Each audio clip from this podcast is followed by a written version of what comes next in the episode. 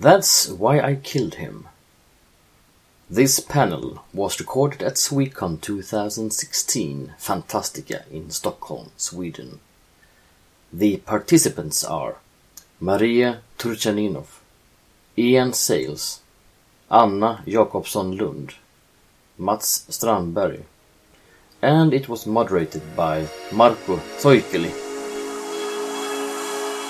Svekon-poddar, en poddradio från svenska science fiction och fantasykongresser.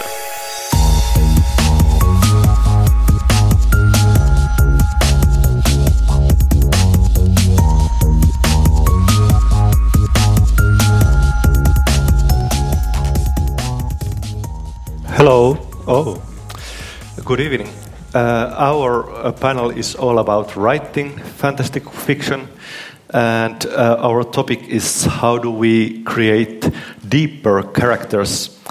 And we could start by introducing yourself and maybe tell something about what kind of characters you have been living lately, fictional characters. Uh, I mean, what kind of character you have created just lately?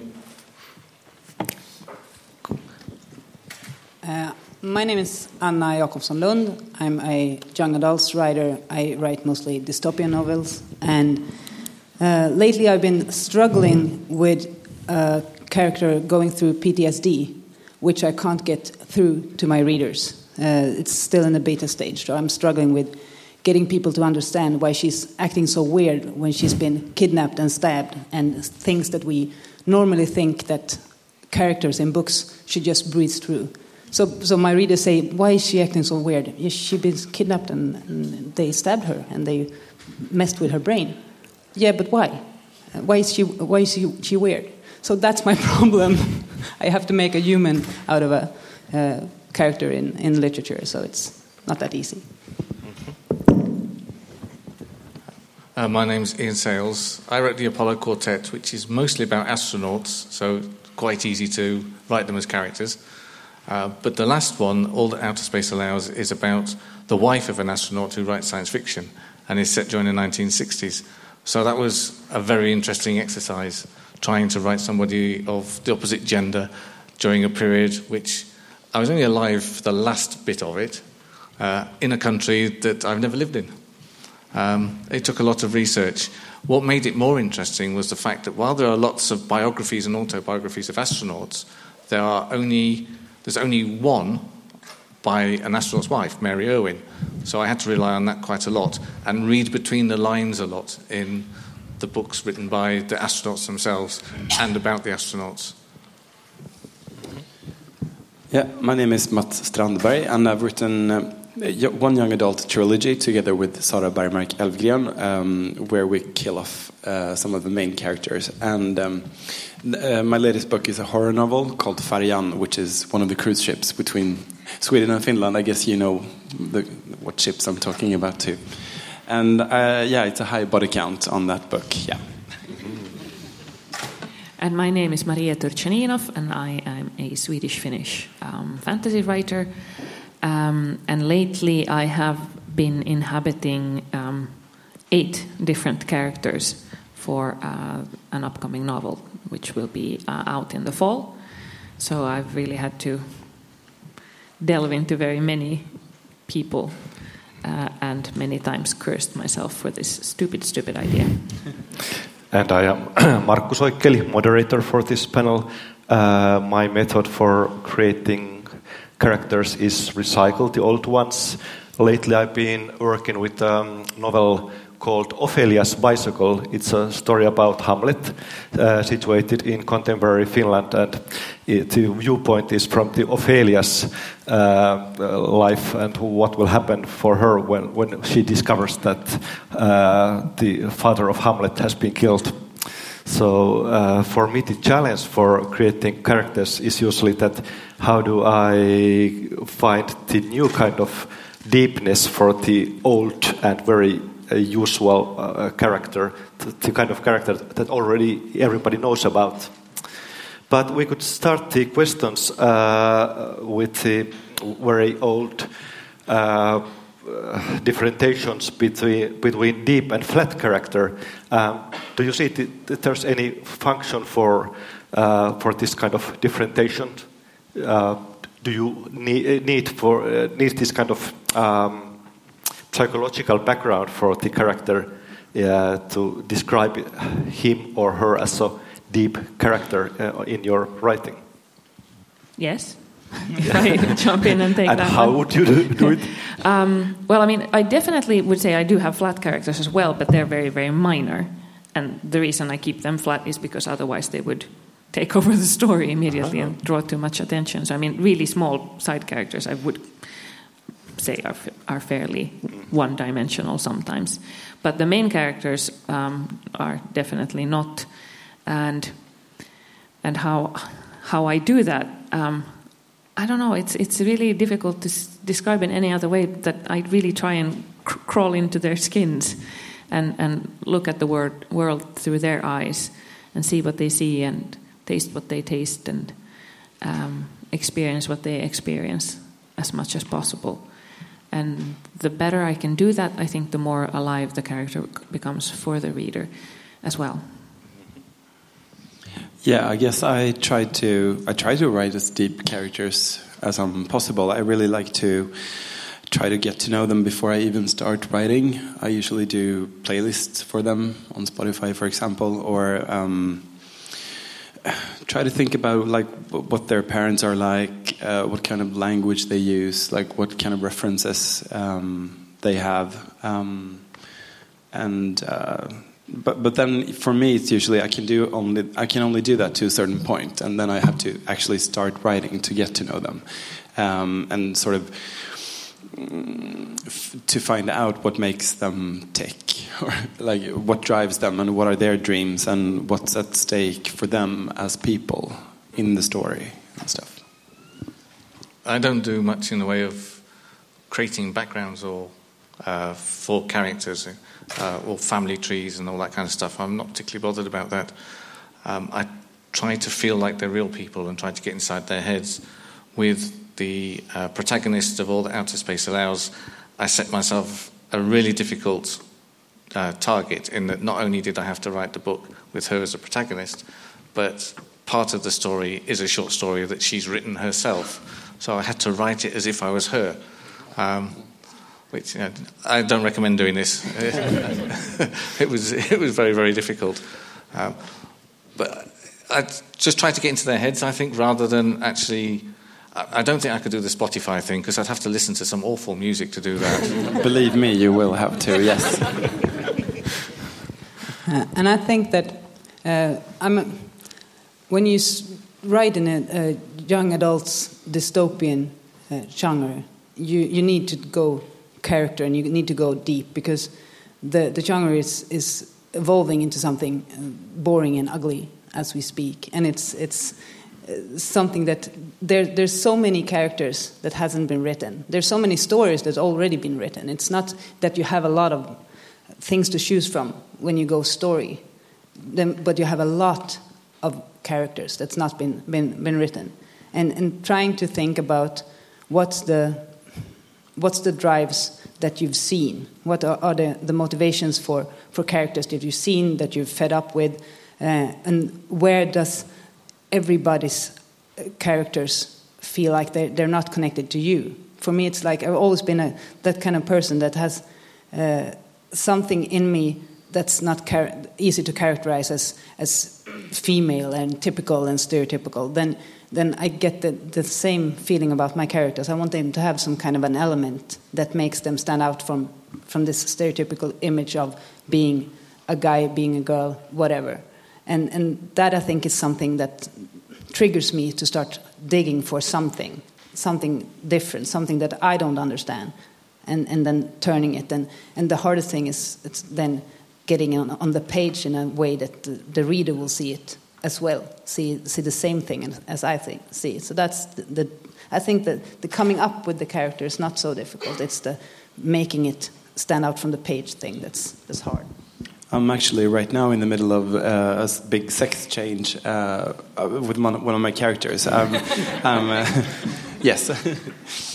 um, Yeah, and it's surprisingly easy, but it just solved every problem. I, I, I would like to think that gender doesn't really matter, but um, maybe especially when you write, try to write a fast-paced story, and you don't have all that time for for backstory and and explaining stuff. You want to get on with the actual. Uh, what's happening in the book. So, so when I made um, a female character into a gay man instead, that just solved everything because then you sort of you don't have to explain stuff like why did he move from this small town in the 80s or like why hasn't he come back? Or why is his relationship with his mother a bit like er, not really working? Then you have like some sort of pre-understanding for that and that just uh, it, it's amazing. Uh, but it's it's really boring. The actual work is really boring but um, but it's um, it's such a relief. So sometimes they really surprise you your characters I think. Even though I, I thought I had prepared but then when I started writing it was just like no, these hundred pages doesn't work. I'm not interested in this woman. I have to do a gender swap here. But it's also interesting, Anna, what you said about uh, finding something that's uh, unique and and uh, that's somehow sometimes very hard to know what will stand out as unique to someone else. Uh, I came across that with um, the character Maresi from my latest novel, um, who no one in, in Finland or Sweden has ever mentioned this to me, uh, re readers. But um, Maresi loves food because she's experienced hunger. So for me, that was a very given thing. If you've experienced really starvation, then food becomes something you think about a lot. And, and she also sort of approaches food with glee and, and you know revels in good food and, and loves tastes and things like that. And, and here, no one's mentioned it, but when the book came out in the UK, I got many comments uh, from readers that it's so nice with a girl in a YA book who likes to eat. Um, and who doesn't have a problem with food or something like that. So sometimes you can, just by going into and trying to really think about a character and what drives them and, and what experiences in the past have formed them, you can strike on stuff that's unique to someone or some, some, some other perspective even without knowing it. I think one of the important aspects with characterization as well is nuance. Um, there's something, one of my pet hates, which I see a lot in, in commercial genre fiction, is what I call characterization by quirks. Mm, yes. Where mm. somebody, whenever they speak, um, they scratch their head or they have a peculiar uh, phrase that they like to use a lot, and it's cheap and it cheapens the story as well as cheap, it cheapens the characters and it cheapens the story. Usually, we have uh, either uh, weird characters in the ordinary wor world or ordinary characters in weird, weird world. But there's a gray area between these uh, kind of kinds of writing. And you mentioned the uh, uh, astronauts, and they are kind of extreme personalities to, to write about, and they are almost like well, I like superheroes for us. So, or do you think so? Well, the interesting thing about the astronauts is the fact that they were so highly trained in what they were doing that everything was pretty much wired in. So, uh, all the different situations that they encountered, there was uh, a procedure for it, there was a protocol for it. So, in that respect, it makes it quite interesting. There's also thousands and thousands and thousands of pages of transcript, so I could steal dialogue directly from their mouths. So, in quite a few of the books, I've actually got the real speech of the astronauts, although maybe in an invented character's sort of mouth. The latest uh, wave of the superhero comics started in the, bit, um, in the middle of 1980s when the uh, scriptwriters for these comics were trying to analyze or to uh, find the deeper thoughts uh, or the deeper background for these uh, superhero characters. And this is the kind of liberation for us writers that we are now allowed to think and go deeper for the characters like Dracula or what's happening inside, a, inside the mind of a zombie or, or anything. And uh, do you have any experience with, with this kind of uh, metaphorical characters that you are trying to go deeper uh, when it's not a character uh, from this world, but it's a kind of weird character out of this world, and you are trying to see what would this kind of character do if he or she was almost like a human being? Well, uh, I have a short story out now in a superhero and anthology, and that's the Swedish take on a superhero will be much different. So that's that's maybe the, the closest I get when you have superpowers. And I also have in my books uh, the the I have this idea that the brain develops, and what we see now with brains that we call dysfunctional, people that have have different kind of disorders, could be a brain development into something else. So my my characters are mind readers, and and uh, they can affect people by by using their minds, and they they kind of develops from from something else. But that's that's the closest. I I, I have dif- I have difficulties with these Dracula characters. I'm not so interested in them. And then I also have difficulties with bad guys. So I was actually trying to get some some ideas from you about how to get the bad guys to be more more like deeper characters because that that's my my big gray area. The bad guy. I'm all, I'm never interested in the bad guy, so I always struggle with her or him. I just look at what's bad in me. Well, I don't think there and are. start from there. I don't think there are bad guys. They're just guys who do bad things. Yeah, and, and that's they- an important they- distinction. And they think they're right. I think for me that's the key. That for them, um, the evil stuff isn't like just like Gargamel, like it's more, yeah. To to them it makes sense, and it's going to solve their problems. Sort of. I think that's really interesting too. I love writing bad guys because I love um, using those sides that you can't really, that you don't want to acknowledge in yourself. That's sort Like- of what I meant Yeah. by saying I'm bad.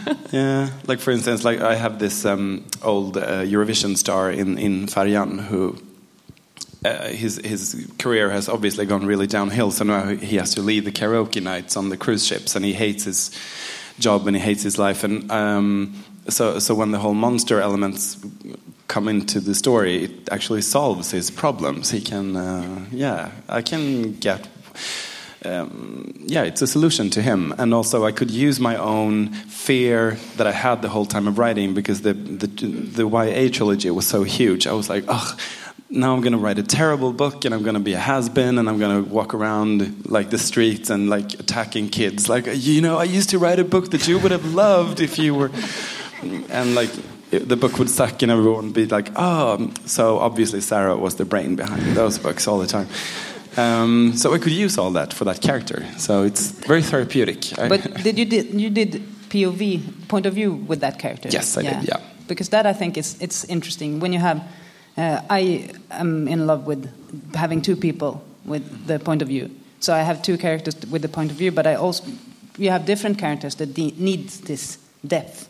There- There's bad guys and good guys that are not allowed in my books to have the point of view. So that I think is interesting. How do you show off the the characters that are not allowed to think and have have the readers see their minds? Uh, so I think that's really hard. I, I, for instance, in, in my book Arra, Arra has a sister who is, I don't want to say she's a bad guy, but she's the antagonist, and she's the one who opposes, and she definitely does not see herself as bad at all. She, but she, I, I did think a lot about her motivation. Why? Why does she do these fairly horrible things? Why does she take advantage of her little sister's skills? Um, and and she does it because she's willing to do anything to not have to go back into poverty, which is a pretty strong motivating factor. Um, and then to her, everything is just completely logical. She's sort of hanging on by her nails to keep what she's finally acquired, and and she doesn't have a point of view, and she's not even, in a sense, a very big character in the novel. But I needed to know why she would do these things. I also I've been working on a space opera. The first two books are out, uh, a prospect of war and a conflict of orders. And the first book is very traditional in as much as you've got a bunch of good guys gathering together to defeat a bad guy who I called the Serpent, for reasons that make sense in the book. Um, and for the second book, I thought I'd turn it on its head and give the Serpent one of the main narrative threads, and then demonstrate through the book that actually his motives were more noble than the bad guys. So while they're setting out to defend the status quo, the status quo actually isn't fit defending, and he's attacking that. And then I kill him off. uh, one of in the YA trilogy we had um, we had um, like the killers we didn't have their point of views but we really worked hard on making it understandable like what their point of view was um, like why it made sense to them to do these things or why they thought they had the right to do this stuff. And um, to us, it was quite depressing. Um, I'm going to do a, the circle spoiler now, so if anyone wants to try to shut their ears or something. Um, because one, uh, the killer in the first book is one of the love interests, and we really, really worked hard on not glamorize it. Like when it, when it's revealed, we don't want to, we didn't want to leave any traces of him being like understandable in the sense that oh, but he's just so torn, or like no. Um, but a lot of, not, I wouldn't say a lot, but um, more than felt comfortable of our young female readers uh, were really like they're, they're so schooled into this whole young adult thing of the bad boy is actually having a heart of gold. And we were like but he killed two of her friends and he wanted to start the apocalypse. That's not so so that was depressing. Well, I think this this there's so, many things that you that's an, an interesting interesting thing that your readers have this always this pre-knowledge mm-hmm. from from all these different not only the hero's journey that's always been the same from from yeah way back but also the recent stories with love as the, the major well reason for doing anything. It's like it's a it's a world that's gone bad it's dy- dystopian you're going to save it and and you're going to do it because this guy is also doing it.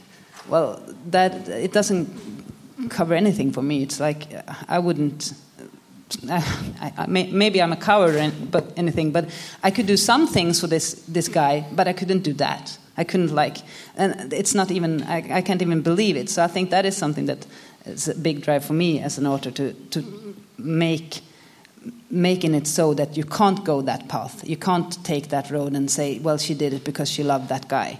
Mm-hmm. It's it's not going to be possible. And then then you have a, a lot of things going for you when you need love in your story. You want to have love in your story, but how do you describe love so it's not the drive for the story, but it's in there? I think that's interesting. Um, that's something I'm going to, I think, try and do now with the next book. So let's see how that goes.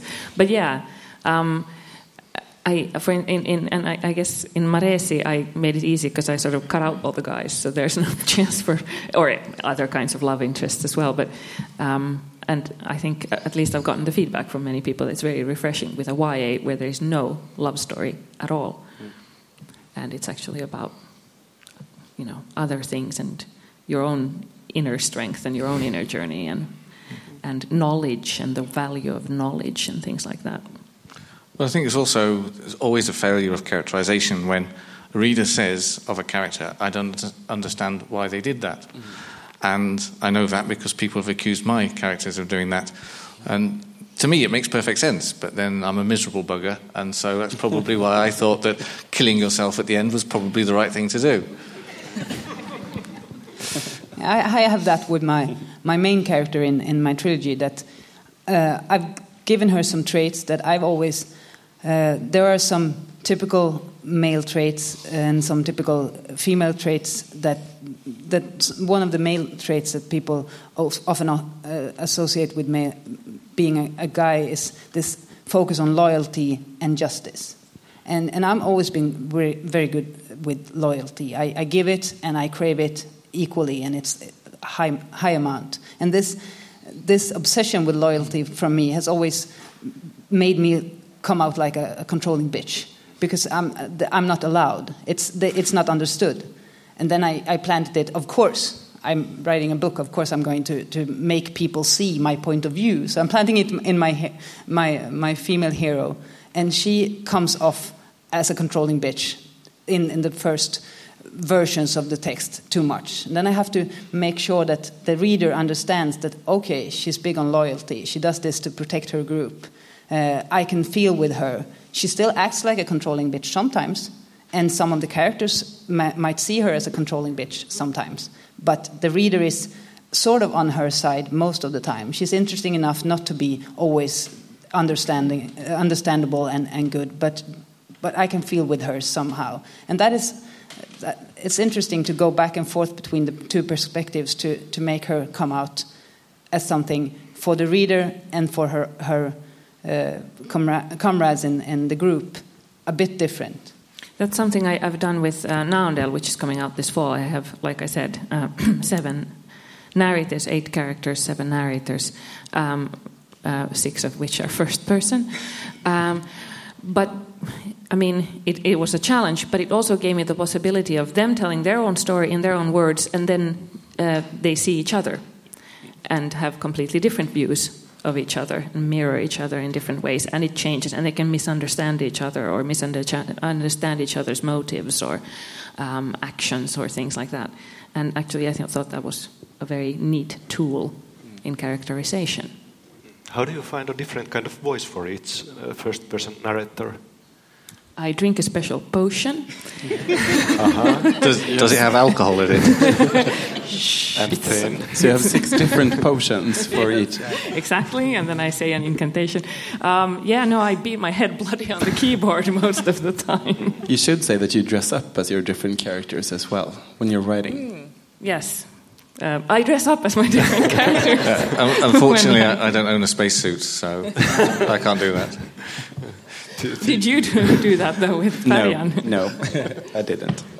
But in your story about the boxer who goes to space, uh, he's given a proposition. Uh, would you like to be the first man in space? And, and he's really a boxer who doesn't think about uh, much about his uh, world and circumstances. And then he's got one chance of the life to do something very different. And this is very uh, uh, surprising moment for a reader that okay, this is really really a world that the history is different to ours, and uh, maybe also the psychology of, of, the characters are very different to our world. Strangely enough, the psychology of the main character in that is a dog. Um, the story Barker is basically I, I turned uh, Laika, which means Barker, into a man and made him the first one man in space and he dies the same way Laika did. So it was, it was a thought experiment. What if Laika had actually been a man? And I chose a boxer because he would be small and he would be fit.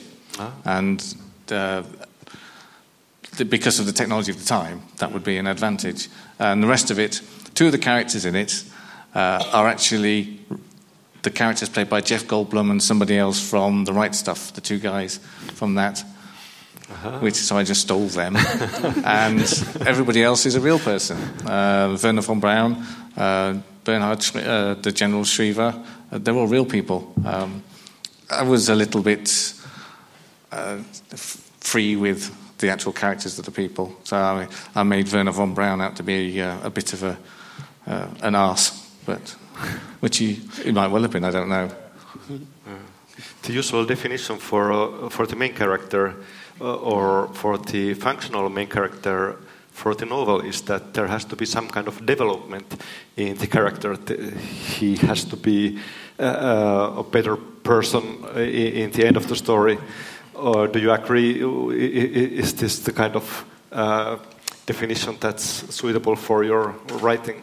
That you are uh, checking out your novel. That okay, is there some kind of uh, changement in your character that okay now he's the different kind of person in the end when we wrote the YA trilogy, of course, it spanned three years, and they went from 16 to 18 plus. So, of course, they and had to stop the apocalypse along the way. So, of course, they were affected by everything that happened and got to know each other and like yeah, like they developed together for sure.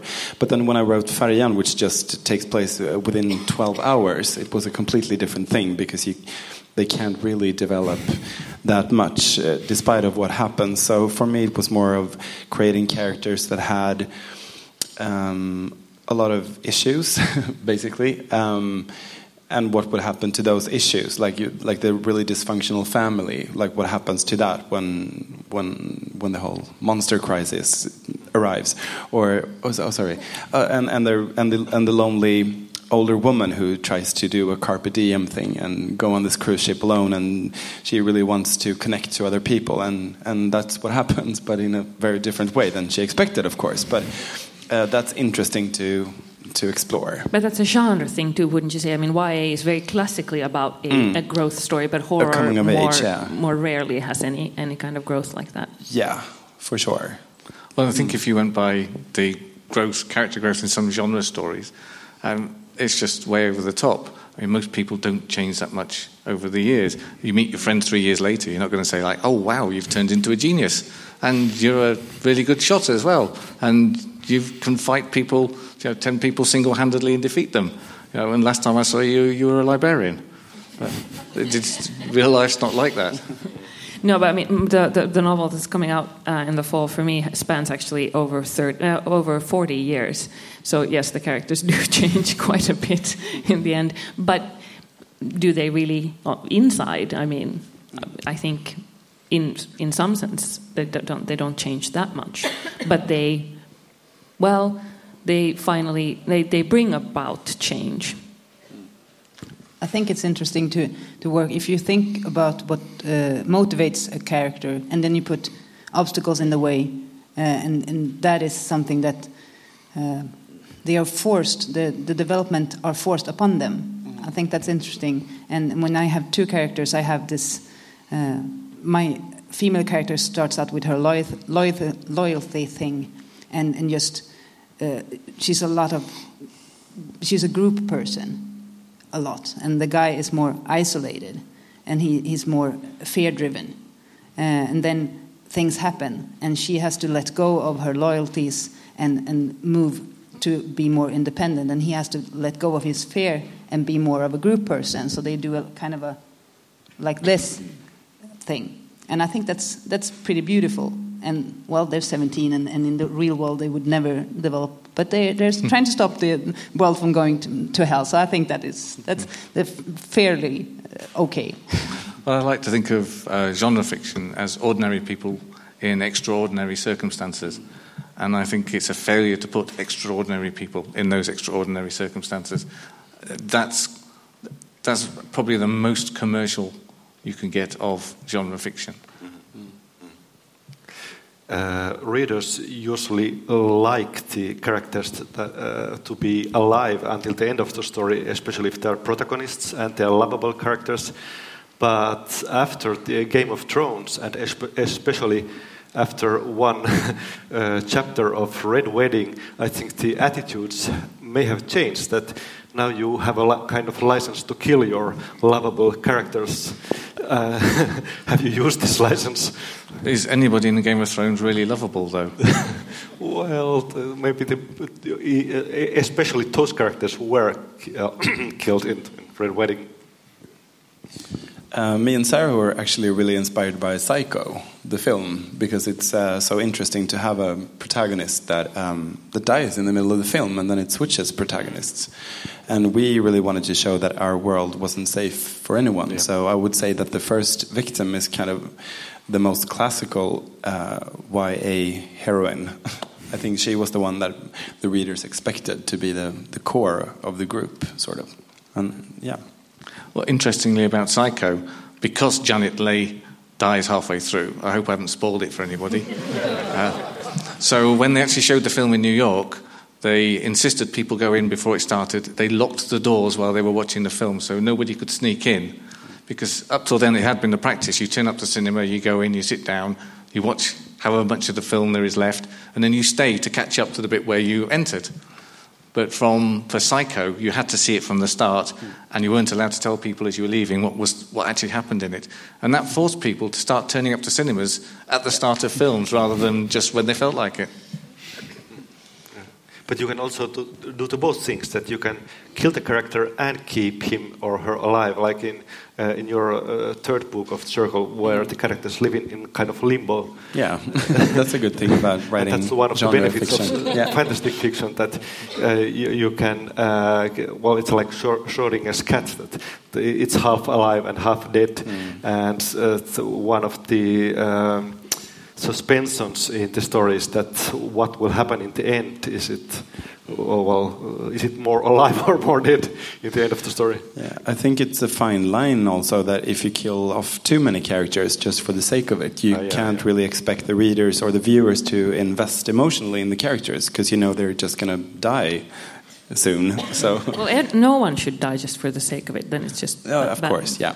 Unless they're wearing a red shirt yeah. Oh, yeah, I had this this problem with my book where I was trying to to write this story where because I'm, I'm a bit fed up with people dying in the last scenes or the, the fourth to last scenes, and then you have three scenes when they're remembered and somebody maybe naming their kid after them or something. And, and, and then it's, it's like you're supposed to just move on from this, this slaughter of people that you, the reader have loved. Uh, and I, I didn't want to do this, so I had this idea that I'm going to kill off one of the characters in the middle somewhere. Uh, and then I did. And, and then I got this, this idea that, that maybe that wasn't. Is this really the message? Because, because she, she's, she was really, really lovable. And, and I had this idea that then this, the rest of the, the trilogy is going to be about how this affects the group. And, and I just found myself with a big problem. How is this going to be interesting? And how is this going to be? And do I want to, to send this message? And do I want to build up the hopes and then break it down? And I just couldn't go through it. I thought I wouldn't have this problem, but I had, so I changed it. And, and everything became better. But then in the end, I've have, had now beta readers to say, maybe you should kill up some people. maybe not. Not this time. Maybe next time. Or maybe, I don't know. So, so I, I'm not, I'm going back and forth because I think it's hard because you send the message that, that a death is something that you can get over. And it's hard to get realistic and still be literal in this. I, I, normally don't have problems killing off characters if they need to be, if it's if it's what the story demands. But um, a tiny spoiler alert. But in Anaché, um, there's a horse that I had planned to kill, but I couldn't because I loved that horse. So he had to, he got to live. but people can just go. Yeah, we, we killed off a character in the first chapter of The Circle, and then 2,000 pages later, it still impacts the, the characters around him, and especially his best friend, Linnea. And yeah, I totally agree with what you're saying. It's very important to, to let death be not just a plot point, but also something that has a deep emotional impact on, on the people that are left. And, and it's an interesting, um, because I, I, Maresi is my first. Um, first person uh, point of view novel. And, and someone did comment um, while I was writing it that, well, if it's in first person and, and, she's telling her story, then we know that she will live. Uh-uh. Well, first of all, it's a, that's a fallacy. But, but second of all, as if the worst thing that could happen to her is death. Right? I mean, is that really the worst thing you can do to your character or to your reader? Um, uh, one of the things I had to write about in All That Outer Space Allows was the Apollo 1 fire, which killed three astronauts and had a profound effect on the, the space program, on NASA and the astronauts. And it, trying to capture the feeling among the community when that happened, I found really difficult because you can find a lot of dry recitations of what happened, but getting the emotional context for it was very difficult. These men I mean, they accepted the fact that people died. It was part of the job. They knew that uh, their entire career, going all the way back, was just filled with colleagues that they'd lost in action through crashes, airplane crashes, that sort of stuff.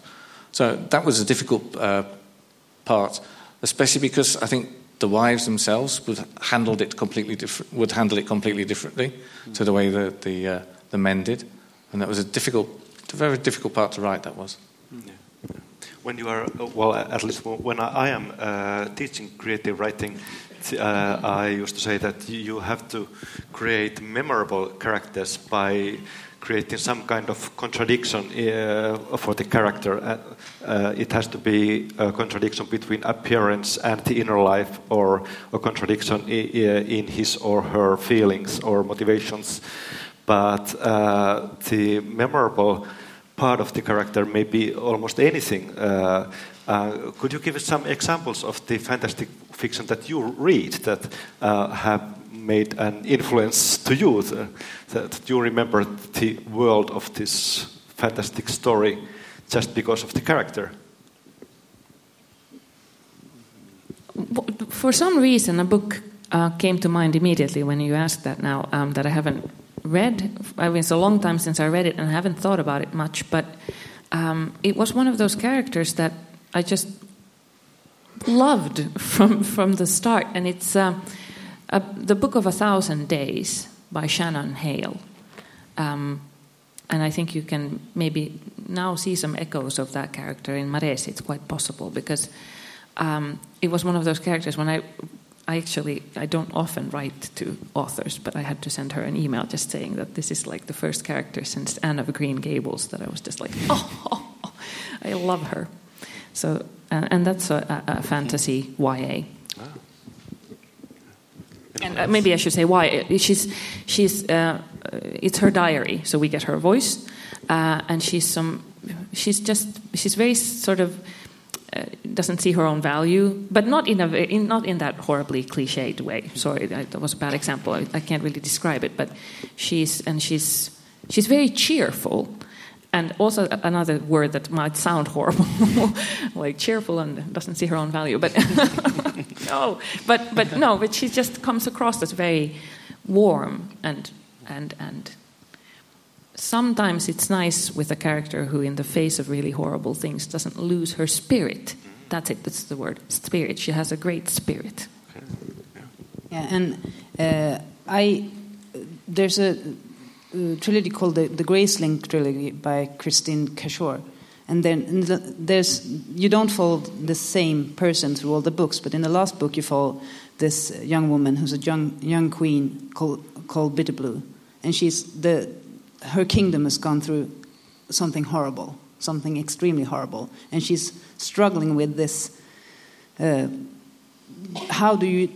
It, it, it's a really good book because it's about uh, society and change, and, and maybe Germany after the war. How do you deal with your neighbors and yourself turning the other way, doing horrible things, and how do you rule that country that has these great scars? And she is she has this, this, she has this grace and she has this courage, and you've met her in the first book as a young, young girl. So then you know her, her story a little bit, uh, and you know her, her bravery from, from there, and then she, you see her as a, a young woman uh, being really wanting to do the, the right thing, but being afraid for what will, if I open these memory gates for me and for, for everybody, what will happen? So she's scared and, and still does things, does things that she's, she needs to do. Okay, what was the name of the, the uh, trilogy? The trilogy is the Graceling uh-huh. trilogy. I had to think hard about uh, a character that uh, I recall that much. And then I remembered the kid from Samuel R. Delany's Dhalgren, who, in some respects, is a cipher. Um, you know nothing about him when the book opens, and very little about him when the book finishes. But the things that he goes through in, in the actual book, the way he responds to the world about him, there's one part of this, the novel where he's helping a family who have refused to admit that the entire city has just turned into an urban wasteland. They're trying to move from one flat to another and trying to maintain a normal middle class American life. And he helps them move um, and, and, he's sort of trying, trying not to spoil the illusion for them, despite the fact that he's quite aware of what's going on outside. And he becomes something of a minor celebrity through his poetry and becomes a leader of a gang of scorpions. And for some reason, I've always loved that character and, and I've always loved the book. It's probably the SF novel I've reread the most, even more times than Dune. uh, yeah, so that's my answer. yeah, yeah. Um, well, I would have to say, actually, I'm endlessly fascinated with the character of Laura Palmer. Uh, so, Laura Palmer's Secret Diary, or The Secret Diary of Laura Palmer, is uh, probably the book that I've read the most times, and now it's time to stop. So, I'm just gonna let you wonder. no, I'm just kidding. No, but it's an amazing book. If, if you haven't read it, do it. It's okay. written by Jennifer Lynch, the daughter of David Lynch. Okay, I would have mentioned Thomas Covenant from the Thomas Covenant trilogy, from the first one, because he's a skeptic in a Fantasyland. But uh, surely we have to stop now. And thank you uh, for coming here, and thanks for the audience. Thank you. Thank you.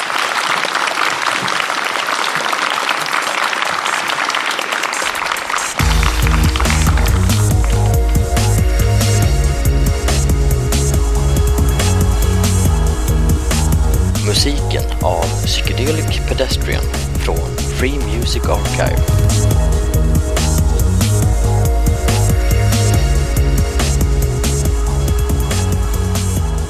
Besök gärna vår hemsida på svekonpoddar.se